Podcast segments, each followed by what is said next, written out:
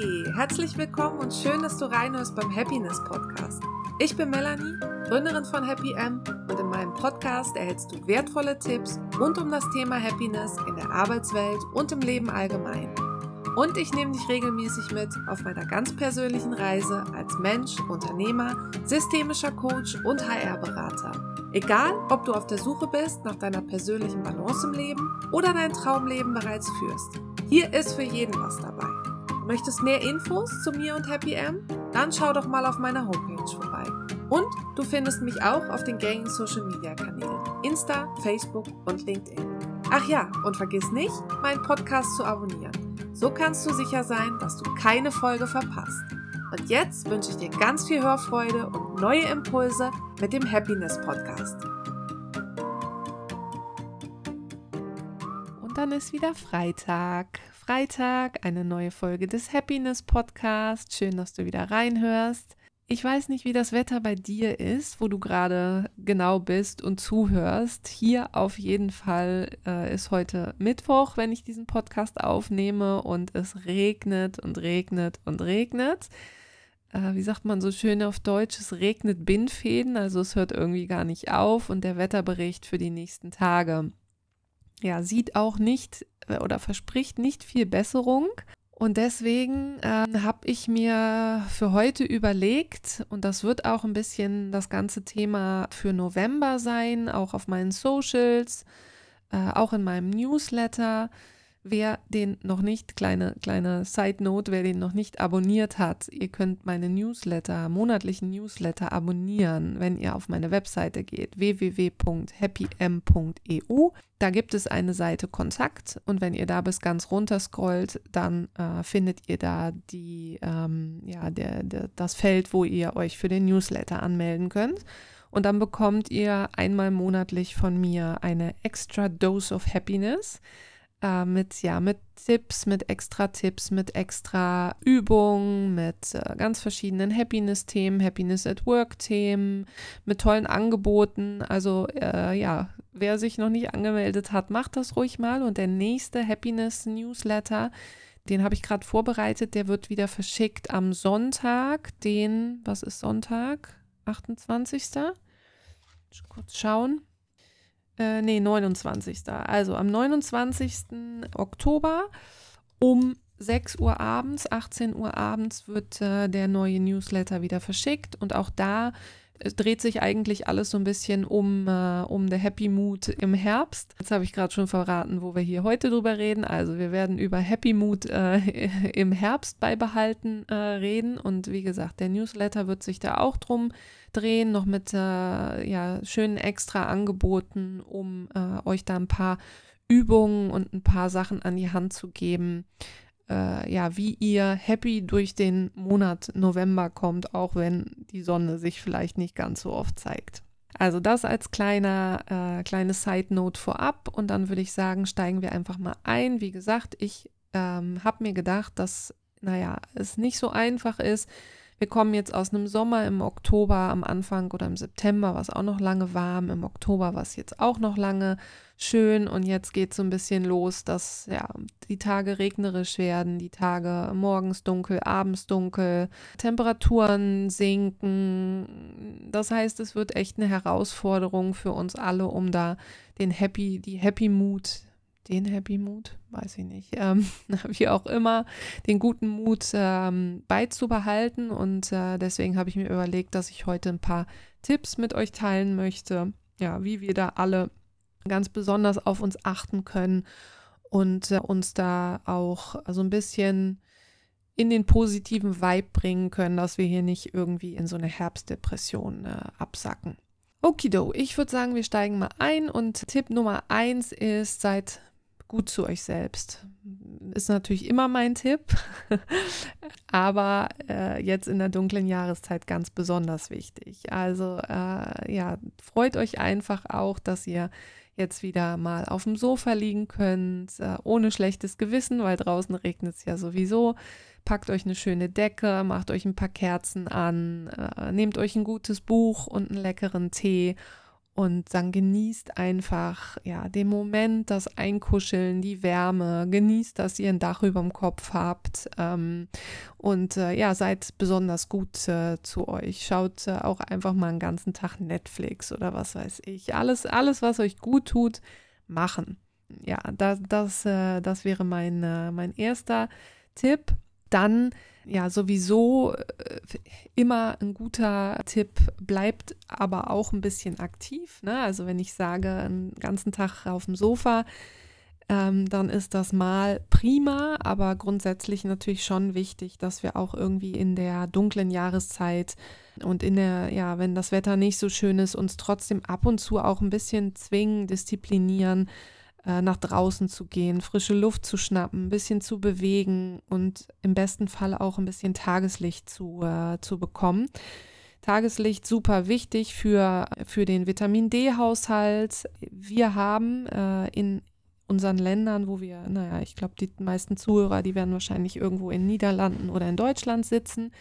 Das sind auf jeden Fall die Länder, wo wir im Winter nicht genug Tageslicht bekommen, sodass äh, unsere Vitamin D-Speicher sich von selber füllen. Also das muss natürlich jeder selber wissen, aber lasst das auch vielleicht im Winter ab und zu mal gut checken von eurem Hausarzt, ähm, ob da nicht irgendwie gute äh, Vitamin D äh, Nahrungsergänzungsmittel auch, ein, auch eine Option sein könnten. Also, aber lasst das vorher gut abchecken von eurem Hausarzt, wie der Vitamin D-Speicher bei euch ist. Äh, schmeißt euch da nicht einfach so irgendwelche, irgendwelche äh, extra äh, Pillen ein.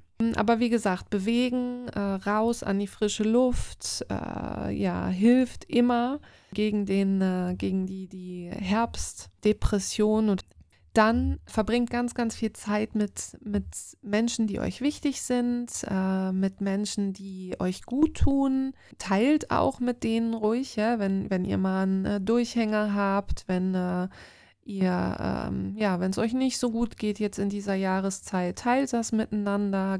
Geteiltes Leid ist halbes Leid. Und äh, ja, versucht euch da einfach schöne, schöne Dinge in die Agenda äh, zu setzen, viel mit lieben Menschen zu unternehmen oder auch einfach äh, ja zu Hause jemanden auf einen Kaffee einladen, gute Gespräche führen, ähm, gemeinsam was, äh, was Leckeres kochen oder so. Das, äh, ja, das hilft, um, äh, ja, um dem, dem Autumn-Mut entgegenzuwirken. Was auch immer ganz, ganz toll äh, hilft, ist Pläne schmieden. Entweder Pläne schon mal fürs neue Jahr oder Pläne für Weihnachten oder äh, Pläne. Ich freue mich jetzt zum Beispiel schon wieder auf die Weihnachtsmärkte. Ich mache dann Pläne, wo auf welchen Weihnachtsmarkt gehen wir dieses Jahr und was haben wir noch irgendwie für, für schöne Wochenenden auch geplant. Entweder ich mit Dennis oder auch ähm, im, äh, im November, Ende November kommt eine meiner besten Freundinnen wieder äh, hier nach Holland. Und das weiß ich einfach, dass das dann wieder tolle Momente werden. Da, da freut man sich drauf. In Urlaub, ich habe zum Beispiel, wir haben jetzt äh, unseren verspäteten Honeymoon, unsere verspätete Hochzeitsreise definitiv gebucht. Wir werden nach äh, Nordnorwegen äh, eine Woche fliegen im, äh, im Februar. Und das sind halt so die Dinge, ja, das, das gibt einem dann wieder ähm, ja, so ein Aufpepper und Dinge, worauf man sich freuen kann. Also auch da, ich weiß nicht, ob ihr Wintersportler seid, Skifahrer seid, ja, vielleicht plant ihr irgendwie ein schönes Wochenende Winterberg oder was weiß ich, habt schon einen Skiurlaub in Österreich oder in Frankreich geplant oder der Sommerurlaub oder der, der, wie heißt das, Oster in den Osterferien, äh, ab in die Sonne oder so. Also einfach schon mal Pläne schmieden, schöne Dinge planen, wo man sich wieder drauf freuen kann. Und das muss auch nicht immer irgendwie ein Urlaub oder ein Wochenende sein. Das können auch Pläne für eure persönliche Entwicklung zum Beispiel sein. Also ähm, ich nehme mir vor, dass ich mir im, im, nächsten Jahr einen neuen Job suche oder ich nehme mir vor, dass ich äh, an meiner persönlichen Entwicklung arbeiten möchte oder dass ich lieber zu mir sein möchte oder, oder, oder. Also einfach planen von Dingen, die euch gut tun. Ähm, das, äh, ja, das versetzt die Sinne und das, äh, das macht positiv. Dann ein weiterer Tipp, ähm, plant achtsame Momente ein, viele achtsame Momente ein. Und was meine ich damit? Äh, ja, seid ganz, ganz viel. Ne? Es widerspricht sich ein bisschen mit Planen von eben, aber es kann, kann auch beides natürlich stattfinden. Erst planen und dann aber auch wieder gut im Hier und Jetzt sein. Ähm, Achtsamkeit oder achtsame Momente heißt eben ganz, ganz viel im Hier und Jetzt sein und auch dankbar sein für das, was wir haben. Und äh, der Herbst hat ganz, ganz viele tolle Momente. Und äh, ja, schaut einfach mal um euch rum, schaut, äh, was ihr habt, wie ich schon eher gesagt habe. Wir haben ein Haus, äh, ein Dach über dem Kopf. Ähm, ihr habt vielleicht liebe Menschen um euch. Ihr habt, wenn ihr einen Spaziergang macht und durch die durch die Wälder lauft und die Blätter fallen und die Blätter haben schöne Farben und es riecht nach, äh, nach Herbst und es riecht nach frischer Luft und es riecht nach, ja, das sind einfach die Momente, genießt das. Ja? Oder wenn der schöne Tee auf dem Herd steht oder ähm, wenn wir jetzt langsam schon wieder anfangen, wir könnten ja auch schon mal wieder anfangen, Plätzchen zu backen oder so, die riechen gut oder der erste Glühwein, ähm, der riecht auch immer hervorragend und schmeckt hervorragend. Also schaut einfach, dass ihr ganz, ganz viele achtsame Momente einbaut, schöne Spaziergänge, ähm, in denen ihr einfach im Hier und Jetzt seid, viel um euch rum schaut, ähm, viel bei euch selbst seid und äh, ja, auf die Art und Weise einfach ähm, äh, ja, gut, gut für euch sorgt und, äh, und dankbar seid für, für das, was ihr habt. Der Herbst ist zum Beispiel auch eine schöne Zeit, äh, um Veränderungen in Gang zu setzen. Ich habe das eben gerade schon ein bisschen gesagt mit dem, mit dem Pläne machen, aber äh, der Herbst zeigt uns ja auch in der Natur irgendwie ein bisschen. Die, äh, die Blätter verändern ihre Farben und die, äh, die Blätter fallen irgendwann.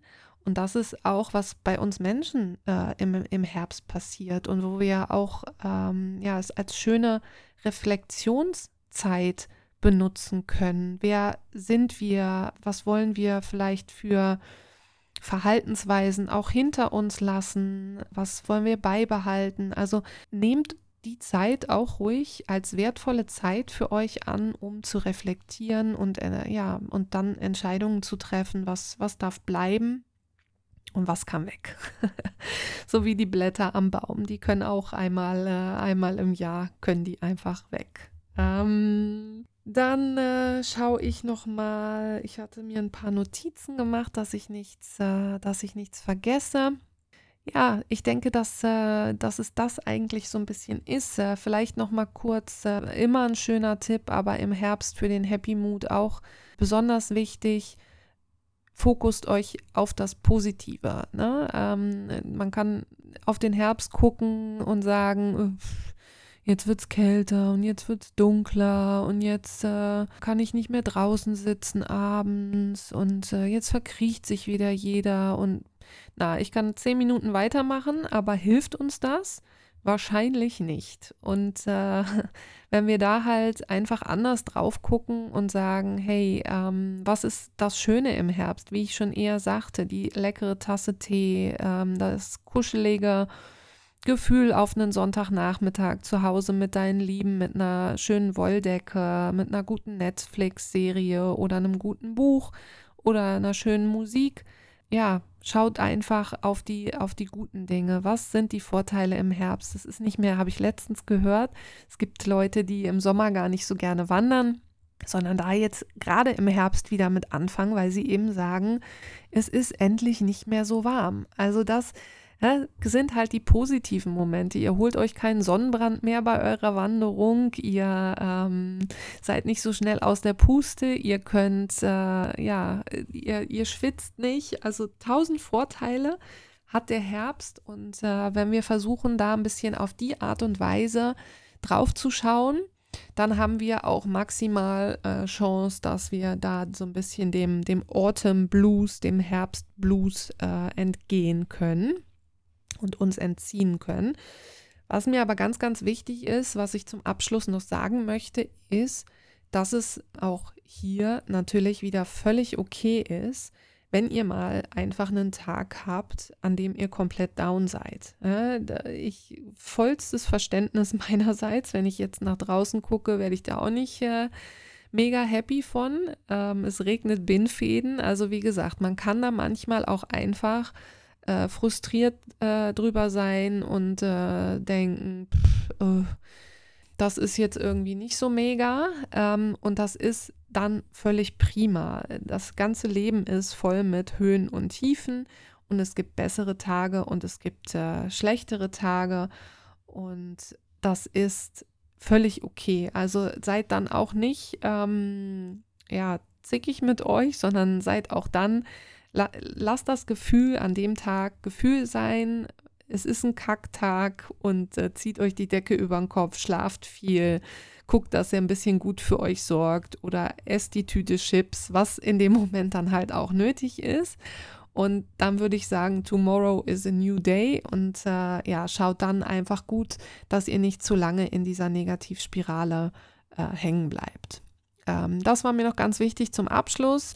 Es kann nicht jeder Tag ein, ein mega glücklicher Tag sein und alle Gefühle haben ihre Daseinsberechtigung, alle äh, Emotionen, alle Stimmungen haben ihre Daseinsberechtigung. Und äh, ja, von daher super wichtig, äh, ist mir super wichtig, das nochmal kurz auch ähm, zu sagen. Ich würde sagen, äh, wir lassen es hierbei. Nochmal kurz äh, die Wiederholung. Ich setze den Link zu meiner Website auch nochmal in die Show Notes. Aber am Sonntag, wie gesagt, geht der Newsletter raus, die Monthly Dose of Happiness. Und wer diesen Newsletter noch nicht abonniert hat, dem würde ich das äh, wärmstens empfehlen. Geht auf meine Website www.happym.eu und auf der Seite Kontakt ganz nach unten scrollen. Da könnt ihr äh, eure E-Mail-Adresse hinterlassen und dann steht ihr automatisch auf meiner E-Mail-Liste und bekommt einmal monatlich äh, ja, schöne Tipps zu verschiedenen Themen, extra Angebote äh, zu, zu verschiedenen äh, Themen und äh, ja, ich, äh, ich kann es nur wärmstens empfehlen. Ich gebe mir damit immer sehr viel Mühe und freue mich, wenn das äh, gelesen wird und auch ihr da ja, ihr da was dran habt. Ich würde sagen, wir lassen es hierbei und kommt gut durch den Herbst. Kommt gut durch die nächsten regnerischen Tage, macht was draus, äh, denkt positiv, habt ein schönes Wochenende, geht ins Kino oder so, macht irgendwas Schönes. Ich äh, gehe heute Abend ähm, lecker mit, äh, mit Dennis zum Griechen und am Wochenende werden wir dann äh, uns wahrscheinlich irgendwie, oh nee, der Dennis hat, glaube ich, Samstag irgendein VW-Event, aber ich werde mich irgendwie schön aufs Sofa kuscheln und äh, ganz viel, ganz viel Self-Care äh, betreiben. Also macht was draus, ihr Lieben, und wir hören uns am nächsten Freitag wieder im Happiness Podcast. Ciao! Das war wieder eine Folge des Happiness Podcast. Hast du Fragen oder Feedback für mich oder Ideen zu Themen, die du gerne im Podcast hören würdest? Dann schreib mir eine Mail an melanie at happym.eu oder schick mir eine Nachricht auf Insta oder LinkedIn. Hat dir die Folge gefallen? Dann hinterlass mir super gern ein Review, indem du oben auf die 5 Sterne klickst. Nochmals, danke, dass du wieder dabei warst und bis zum nächsten Mal beim Happiness Podcast.